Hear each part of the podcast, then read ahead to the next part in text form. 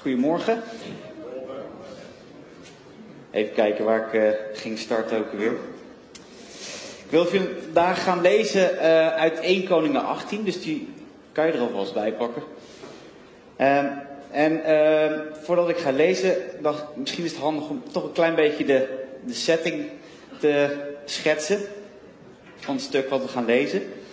En in het stuk wat we gaan lezen ehm, bindt Elia, de bekende profeet, de strijd aan met de profeten van Baal, de afgoden van die tijd.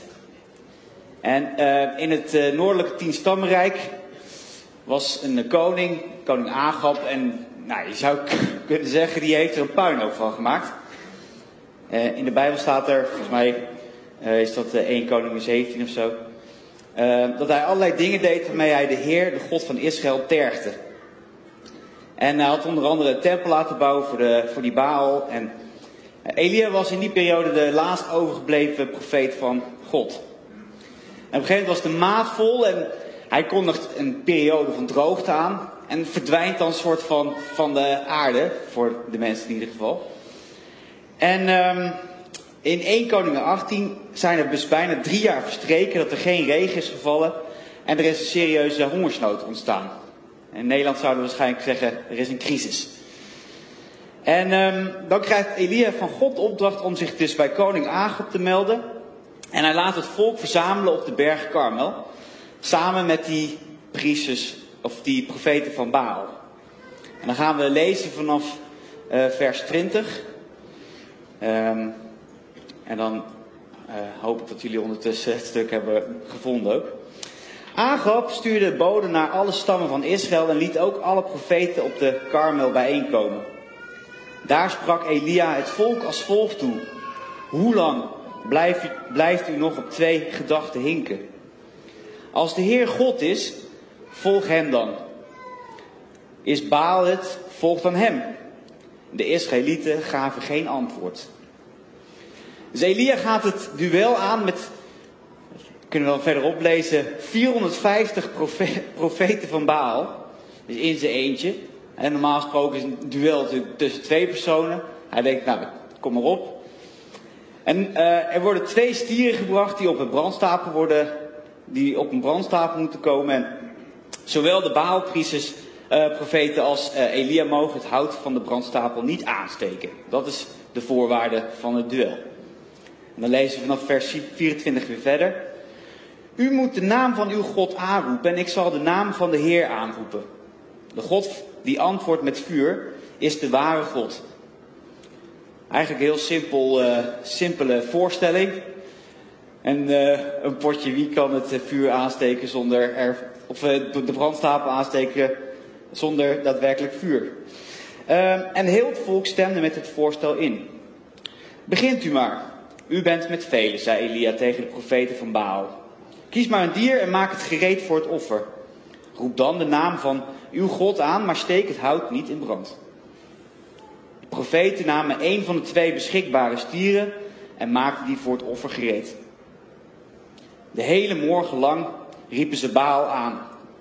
Baal, geef ons antwoord! Maar het bleef stil en niemand gaf antwoord.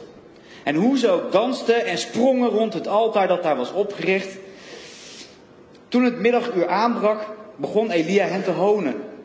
Roep zo hard als u kunt. Hij is toch een god? Hij is zeker in gepeins verzonken. Ik denk dat hij zich even moest afzonderen. Is hij soms op reis gegaan? Misschien slaapt hij en moeten we hem wekken. De profeten riepen uit alle macht en brachten zichzelf, zoals hun gewoonte was, met zwaarden en lansen verwondingen toe tot het bloed over hun lijf stroomde. In vervoering bleven ze schreeuwen, maar ook toen het middaguur al lang voorbij was en het uur voor het graanoffer aanbrak, was er nog steeds geen enkele reactie gekomen. Het bleef stil. Niemand gaf antwoord.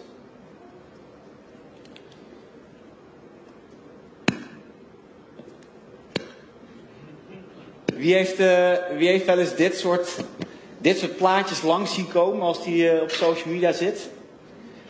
Ik denk iedereen wel. Hè? Een bekend fenomeen. Hier staat social media echt werkelijk vol mee. Ehm, vaak eh, zijn het dan eh, YouTubers, influencers, life coaches, fitness coaches, finfluencers. Dat zijn mensen die financieel eh, allerlei tips en tricks geven. Foodbloggers, ga zo maar door. Ehm, die jou dus bombarderen met zogenaamde life hacks. Die jou precies kunnen vertellen wat jij moet doen om succesvol en gelukkig te zijn in het leven.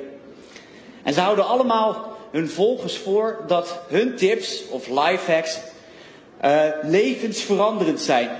Life changing. En voor wie het fenomeen life hacks niet kent, je moet je even voorstellen, life hacks zijn tips en trucjes die bedoeld zijn om je leven gemakkelijker te maken. Um, en je kan lifehacks ook zien als een soort van creatieve oplossingen voor problemen waarvan je nog niet wist dat, het, dat je ze had. Ze moeten je dus het idee geven dat je geen leven meer kan voorstellen zonder die lifehacks. Vandaar dat ze ook vaak worden aangekondigd als 13 lifehacks that will change your life. om je een beetje naar zo'n artikeltje te lokken. Alsof het leven één serie lifehacks is. Trucjes voor het leven. Een sleutel voor het gelukkige leven in een paar simpele leefregels. Het is eigenlijk heel simpel But you just gotta know. Die heb ik serieus lang zien komen. En ze hebben dus oplossingen voor problemen waarvan je niet wist dat je ze had. Uh, kunnen zeggen, het was geen probleem. En toen ze je ermee confronteerden, werd het ineens een probleem. En die lifehacks, die staan volgens mij symbool voor de tijd waarin we leven. Ik geloof namelijk dat we leven in een tijd van lifehacks.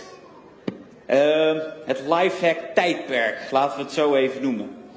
En in het lifehack tijdperk word je doodgegooid dus met tips en tricks die life-changing zijn. Althans, dat claimen ze. Ik heb even een paar uh, voorbeelden verzameld van die tips en tricks die je dan zowel tegenkomt. Cold therapy, of ijsbaden. er worden allerlei positieve effecten aan toegedicht. Je kan je ademhaling onder controle krijgen en dan word je weer gelukkiger van natuurlijk. Ik zag laatst in een filmpje, zag ik Arie Boomsma. Die had zijn kinderen net naar school gebracht en die was in een ijswak gaan zitten ergens in een plas bij Amsterdam. Alsof het de normaalste zaak van de wereld is. Um, je kan dus ook eh, masterclasses hierin volgen. En um, op een van die websites kwam ik een, uh, een masterclass tegen waarbij je alles leert over vitaliteit, je immuunsysteem en als klap het vuur, vuurpijl die life-changing challenges beloven. Nou, dat belooft toch aardig wat, hè? Zou je zeggen. Even kijken, dan heb je nog de wereld van de speciale diëten. Als je dit eet en als je dat laat staan. Keto of paleo. Dieet van de holbewoners, dat. Dan heb je nog de tips en tricks voor droog trainen. Shredden of kutten, heet dat. En voor, voor degene uh, die uh, wat ouder zijn, uh, rechts is Joël Beukers. En dit is zijn lijfspreuk. We gaan vooruit, scoopje erbij. En zijn verdienmodel is dus dat je door middel van zijn poedertjes en shakes, zeg maar, in vorm komt. Maar er zit een hele lifestyle aan vast. Want het is niet alleen trainen, maar het is ook in het weekend keihard gaan op de feesten. Even kijken, dan hebben we nog uh, de wereld van de beautyvloggers. Wat ook al lang niet meer alleen maar trucjes zijn voor uh, hoe je met uh, make-up omgaat. Maar het gaat veel verder dan dat. Oh, volgens mij is hij losgegaan. En dan mijn uh, favoriet, mijn persoonlijke favoriet. Ik noem maar even, ik, ik val het me even samen als mindfulness. Van die zwevige types die jou gaan helpen om weer in contact te komen met je inner self of je spirit. En je mag ook even de volgende pakken dan. Ja, zie je? Het is heel simpel. You just gotta know and now I know. Het is, wij hebben het simpele antwoord op al jouw problemen. En uh, ik, heb er even, ik ben er even ingedoken, zodat jullie dat niet meer hoeven te doen. Maar op innerbeautyretreat.com kan je al voor 222 euro deelnemen aan een online life-changing retraite. Gewoon lekker bij je thuis. Daar hoef je dus niet voor uh, in een koude, koude kerk te gaan zitten. En uh, ze hebben zelfs een gemeenschap, die noemen ze de tribe. En uh, schrik niet, voor, als je het echt serieus wil aanpakken, als je echt voor een levensveranderende ervaring gaat, dan kan je voor, ik krijg bijna mijn strot niet uit, 3333 euro een tripje boeken naar Bali. Of Ibiza, dat is maar net wat je voorkeur heeft, voor een cleansing from the inside out. Nou, wie wil dat niet? En in gedachten zie ik die figuren eigenlijk op diezelfde berg Karmel staan. als je ze dan allemaal bij elkaar zet. Ik, mijn hoofd werkt dan zo dat ik ze. Ik zie Joel Beukers. Ik zie dat zweverige typje in de yoga-houding. Um, eigenlijk net als die profeten van Baal. En even voordat we verder gaan. Ik ga je niet beweren dat Arie Boomsma of de inner beauty beweging hetzelfde is als afgoderij. Zover wil ik echt niet gaan. Maar het gaat mij met name even om het beeld. net als die profeet van de Baal springen ze, ze dansen, ze schreeuwen, ze doen druk. En ze sloven zichzelf uit. Alles voor een teken van boven. voor een teken van succes. En in die wereld moet je bijvoorbeeld werken aan je inner beauty. En soms lijkt het ook heel erg op de boodschap die we in de kerk ook horen. Want ze willen hun geluk maar al te graag delen met je. En je kan, ze, je kan je aansluiten bij hun gemeenschap. de, de gemeenschap van Joël Beukers is de gemeenschap van groeimaatjes. Serieus waar. En net als in de tijd van Elia leven we in een voornamelijk ongelovige tijd. Als je op school zit, ben je meestal in de minderheid als je naar de kerk gaat. Hetzelfde geldt als je natuurlijk werk hebt. En tegelijkertijd zie ik dat heel veel mensen stuurloos zijn. Dat ze toch behoefte hebben aan een soort van houvast. Houvast die in de vorm van lifehacks wordt geboden. Handige trucjes, schijnbaar makkelijk toepasbaar. En dat maakt ze natuurlijk ook zo populair. Het zijn immers de oplossingen voor al jouw problemen. Maar zijn al die lifehacks niet eigenlijk vooral heel erg vermoeiend? En ze leggen immers de nadruk op wat jij allemaal moet doen. hun stappenplan, hun dieet, hun handelingen. Eh, je moet er, ja, het, is heel simpel, maar je moet gewoon 3000 euro lappen en naar Bali vliegen. En zie je jezelf al zitten in zo'n ijswak voor een teken uit de hemel. Het, het lijkt zo simpel, maar als je er even van een afstandje naar kijkt. En volgens mij is dit het probleem. Bij al die handelingen, bij al die live tricks, vertrouwen ze vooral op zichzelf. Uh, ze vertrouwen op zichzelf om dat vuur uit de hemel te laten komen. Ze willen je laten geloven dat er specifieke handelingen voor nodig zijn om een reactie uit te lokken.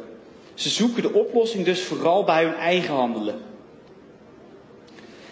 En nu is het natuurlijk heel erg verleidelijk om te denken, ja, dit gebeurt alleen maar buiten de kerk. de oplossing is gewoon weer eh, tot geloof komen. Als genoeg mensen maar weer naar de kerk toe gaan, dan, dan verdwijnt dit fenomeen vanzelf. Nou, dan zou mijn preek heel kort zijn, komen we nu aan de koffie. Maar helaas is dat denk ik niet het geval. Want ook in de kerk kom je dit soort zogenaamde profeten tegen. Lui die boeken schrijven over hoe je een goed christelijk leven moet leiden. Dagboeken over uh, die je dan samen met je partner, samen met je gezin of uh, alleen moet lezen met oefeningen en opdrachtjes erin. Over hoe je moet bidden of welke stappen je moet doorlopen om uh, genezen te worden door God. He, doen ze dan vaak door middel van proclamatie, een beetje die, die name it en claim it beweging. Mensen die jou precies kunnen vertellen hoe je een overwinningsleven kunt leiden. Die een stappenplan hebben voor, om erachter te komen wat Gods plan is met jouw leven, wat dat ook mag zijn. En ook hier wordt weer vooral vertrouwd op eigen handelen. Op wat jij moet doen om een teken uit de hemel te krijgen. overwinning is iets wat je moet claimen.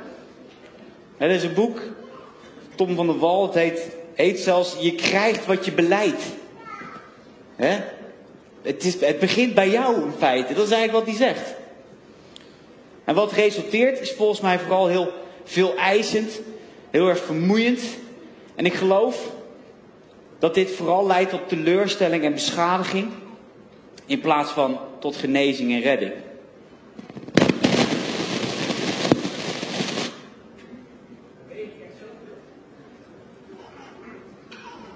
Sorry voor de overlast. Goed, hebben jullie wel even de tijd gehad om het een beetje te laten inzinken? Maar gaan we nu kijken naar wat Elia daar dan tegenover zet. Want ik, ik wil ook niet te veel de nadruk leggen op wat die luiden dus doen. Maar wat zet Elia daar dan tegenover wat zo radicaal anders is? daarvoor pak ik eerst eventjes weer vers 21. dat is waar hij mee begon. Uh, de nieuwe MBV-vertaling is dat. Daar sprak Elia het volk als volgt toe. Hoe lang blijft u nog op twee gedachten hinken? Als de Heer God is, volg hem dan. Is Baal het, volg dan hem. Dus Elia begint in eerste instantie met um, de mensen een keuze voor te leggen. Dus hoe lang blijf je nog hinken op twee gedachten? Kies je voor de Baal of kies je voor God? Het is niet alle twee, je moet gewoon kiezen. En hij laat, het, hij laat die keuze ook aan het volk. Het is, het, is wat, het is wat jullie willen. En eigenlijk kan het contrast niet groter zijn. Aan de ene kant staan dus die profeten. En uh, we hebben dat net gelezen. 450, 450 man die de hele ochtend staan te roepen en te schreeuwen. Ze beginnen er zelfs bij te dansen en te springen en er komt geen enkele reactie. En ik moest vanmorgen denken, we zaten, te ontbijten en de jongste wilde heel graag de iPad. Daar leek het een klein beetje op. Als een jengelend kind zo, stond hij, hij is er toevallig bij nog, hij stond in de keuken, ik wil de iPad! Nou, dat is een beetje waar die profeten me aan doen denken. Er wordt uit alle macht geschreeuwd, lezen we. Maar zonder reactie, niks. En zelfs als Elia de profeten belachelijk maakt, blijven ze stug doorgaan. Ze gaan zelfs zo ver dat ze zichzelf tot bloedens toe verwonden. En zelfs tegen de avond bleef het stil en kwam er geen enkele reactie, lezen we. Totdat de priesters letterlijk uitgeput en uitgeteld zijn. En ik geloof dat dit ook het gevolg is van deze leefstijl. Dat je uiteindelijk dus uitgeput en uitgeteld raakt. En dan aan de andere kant staat Elia. En dan pakken we de draad weer op vanaf vers 30. Elia zei tegen de Israëlieten dat ze naar hem toe moesten komen. En toen ze bij hem waren komen staan, bouwde hij het verwoeste altaar van de Heer weer op. Hij nam twaalf stenen, evenveel als het aantal stammen van Israël, de nakomelingen van de zonen van Jacob, tot wie de Heer had gezegd, Israël is je nieuwe naam. En met die twaalf stenen maakte hij een altaar ter ere van de Heer. En daaromheen liet hij een gul graven met een lengte van 300 el. In het uh, rijk wat dus uh, was ontstaan, was eigenlijk een wereld die niet meer gelooft. En wat Elia in eerste instantie doet, is dat hij het volk herinnert aan hun verleden. En met name aan het verleden eigenlijk van koning David, van koning Salomo. Zeg maar de hoogtijdagen van het vertrouwen op God. Met de tempel in Jeruzalem. En hij doet dat heel simpel door gewoon twaalf stenen te pakken. Evenveel als het aantal stammen van Israël. Alleen er is een probleem, want dat rijk bestaat niet meer uit twaalf stammen van Israël. Het zijn er nog maar tien. Het was het één geval in het noordelijke tienstammenrijk en het zuidelijke met Juda en Benjamin. En het is een beetje alsof hij wil zeggen, zijn jullie niet iets vergeten? zijn jullie niet ergens onderweg? Hebben jullie niet misschien mensen ook vergeten? En hij wijst het volk daarmee dus op hun eigen verleden. En hij gaat vervolgens verder door van die twaalf stenen een altaar te bouwen ter ere van de Heer. Nog een herinnering, maar dan aan de tempel van Jeruzalem. En zo richt hij het volk op het offer dat in de tempel gebracht zou moeten worden. Het is heel simpel, heel subtiel. Maar reken maar dat de boodschap duidelijk was. Want eigenlijk wil hij zeggen, jullie zijn iets vergeten. Ga terug naar het huis van de Heer. Ga terug naar het offer. Om vandaag de dag keuzes te maken, moeten jullie weer leren op God te vertrouwen. En om zijn punt extra kracht bij te zetten, laat hij over zijn stier, over zijn offer, extra water gieten. Zelfs zoveel dat de geul die om het altaar graaf is vol komt te staan. Ik lees verder vanaf 36. Toen het uur voor het graanoffer was aangebroken, trad de profeet Elia op het altaar toe en zei: Heer, God van Abraham, Isaac en Israël. Vandaag zal blijken dat u in Israël God bent en dat ik u dien en dit alles in uw opdracht gedaan heb. Geef mij antwoord, Heer, geef antwoord. Dan zal dit volk beseffen dat u Heer God bent en dat u het bent die hen tot inkeer brengt. En het vuur van de Heer sloeg in en verteerde het brandoffer met brandhout, stenen, as en al. En zelfs het water in de geul likte het op. En alle Israëlieten zagen het en alle wierpen zich voorover op de grond en riepen, de Heer is God, de Heer is God. Dan kan ik me voorstellen dat je denkt, ja, uh, als er dan vuur uit de hemel komt, hè, dan is de keuze natuurlijk makkelijk gemaakt. Hè, dat zal in zekere zin ook wel zo het geval zijn geweest. Hè, het is ook daarna dat, die, dat het volk zich op de knieën uh, werpt. Maar ik denk dat, het, ik denk dat Elia iets anders duidelijk wil maken. Het is Elia namelijk helemaal niet te doen om het vuur. Hij wijst het volk op de offerplaats en op het offer. Daar begint hij mee. He, zij, hij, begint, hij gaat geen dansritueel uitvoeren of hij begint niet te schreeuwen. Het is allemaal heel rustig, het is allemaal heel subtiel. Het offer staat centraal. Niet het teken uit de hemel. En hij brengt dus als het ware het volk terug naar de offerplaats en hij daagt ze uit om een duidelijke keuze te maken. Vertrouw je op jezelf, hè, of vertrouw je op die profeten van Baal, voor een teken uit de hemel, vertrouw je op God? En Elia heeft heel veel vertrouwen op God, want hij zegt zelfs in uh, vers 37, dan zal dit volk beseffen dat u Heer God bent en dat u het bent die hen tot inkeer brengt. Elia beseft dat niet hij, maar God alleen het volk tot inkeer kan brengen. Hij keert het helemaal om. Hij vertrouwt volledig op God en hij laat zien dat er helemaal geen ingewikkelde of vermoeiende handelingen voor nodig zijn om een teken uit de hemel te krijgen. Het enige wat nodig is, is dat God weer in het middelpunt komt te staan. Maar wat betekent dit dan voor ons? Elia liet het volk dus zien dat ze terug moesten naar de offerplaats, naar het offer. Ze moeten dan automatisch kijken naar wat is dan voor ons de offerplaats in het offer.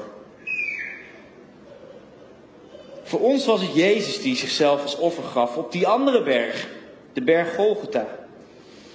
En misschien ben je hier deze ochtend en heb je het idee dat je de Heer nog niet volledig kent. Of misschien ben je hier deze ochtend en verlang je ook zo naar een teken uit de hemel.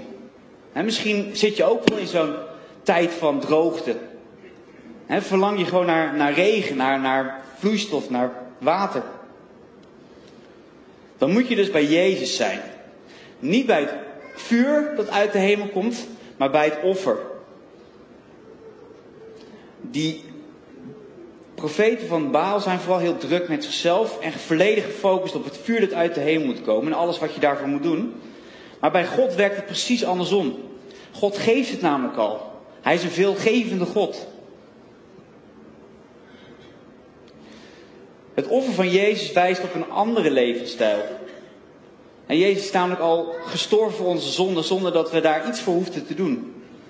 Daar kwam geen lifehack aan te pas. Slechts één duidelijke keuze. Dus de vraag die deze ochtend, eigenlijk, eigenlijk elke ochtend voor ons ligt, is: wat kies je? Kies je voor die lifehacks van de profeten of kies je voor God? Vertrouw je op jezelf, op je eigen handelen of vertrouw je op God? En elke dag weer worden we voor dezelfde keuze gesteld. En Elia verwijt de Israëlieten dat ze daarbij te veel op twee gedachten hinken. Dus een beetje van God, maar ook een beetje van mezelf. En de vraag is of wij dat niet soms ook doen. Ik betrap mezelf er in ieder geval wel op dat het toch makkelijker is om te denken dat je eerst iets moet doen voordat je iets kan ontvangen. Het is ook een heel logische gedachte op zichzelf. Maar Elia laat het zien dat het dus anders zit. God stelt geen onmogelijke voorwaarden of eisen. Hij komt niet met een stappenplan voor een succesvol leven. En je hoeft dus ook echt geen dure reis naar Bali te boeken voor een life-changing ervaring. Er zijn geen lifehacks die je leven gaan veranderen. Door dat leven raak je namelijk uitgeput en uitgeteld. Je hoeft niet te roepen, te schreeuwen, te dansen, te springen. De basis van ons geloof is Gods genade en liefde. En met God leven zou eigenlijk dus heel ontspannen moeten zijn. Wat blijft er dan over? Dat kunnen we al in Genesis 17 lezen. En daar zegt God tegen Abraham: Richt je steeds naar mijn wil en leid een onberispelijk leven. Oftewel, blijf bij God en doe het goede. Meer wordt er niet van je verlangd. En dat noem ik nog eens een life hack that will change your life. Zullen we uh, afsluiten met gebed?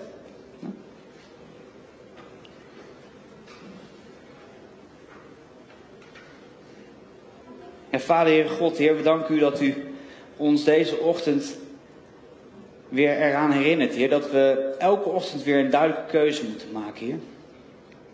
Wilt u ons helpen om ook de komende dagen, de komende, voor de rest van ons leven, om elke keer weer een duidelijke keuze te maken voor u, Heer. Om te vertrouwen op uw genade en uw liefde, Heer. Heer, en wilt u ons, ons er ook aan herinneren dat we, ja, dat u niks van ons verlangt. En dat er geen voorwaarden gesteld worden voor een teken uit de hemel. Heer, dat het enige wat we hoeven te doen, is u in het middelpunt te plaatsen. Heer, wilt u ons ook helpen om weerstand te bieden tegen ja, al die mensen met goed bedoelde adviezen, Heer. Heer, al die mensen die ons misschien het gevoel geven dat we, dat we toch dingen zelf moeten doen, dat we vanuit eigen kracht moeten leven. Dat het, werken, dat het leven misschien wel gewoon hard werk is. Heer, dank u wel dat we mogen vertrouwen op u. Heer, dat u elke dag weer voor ons zorgt. Heer, en dat, uh, dat u met ons meegaat. En dat u uw zoon heeft gegeven als teken uit de hemel. Dat bidden we zo in Jezus' naam. Amen.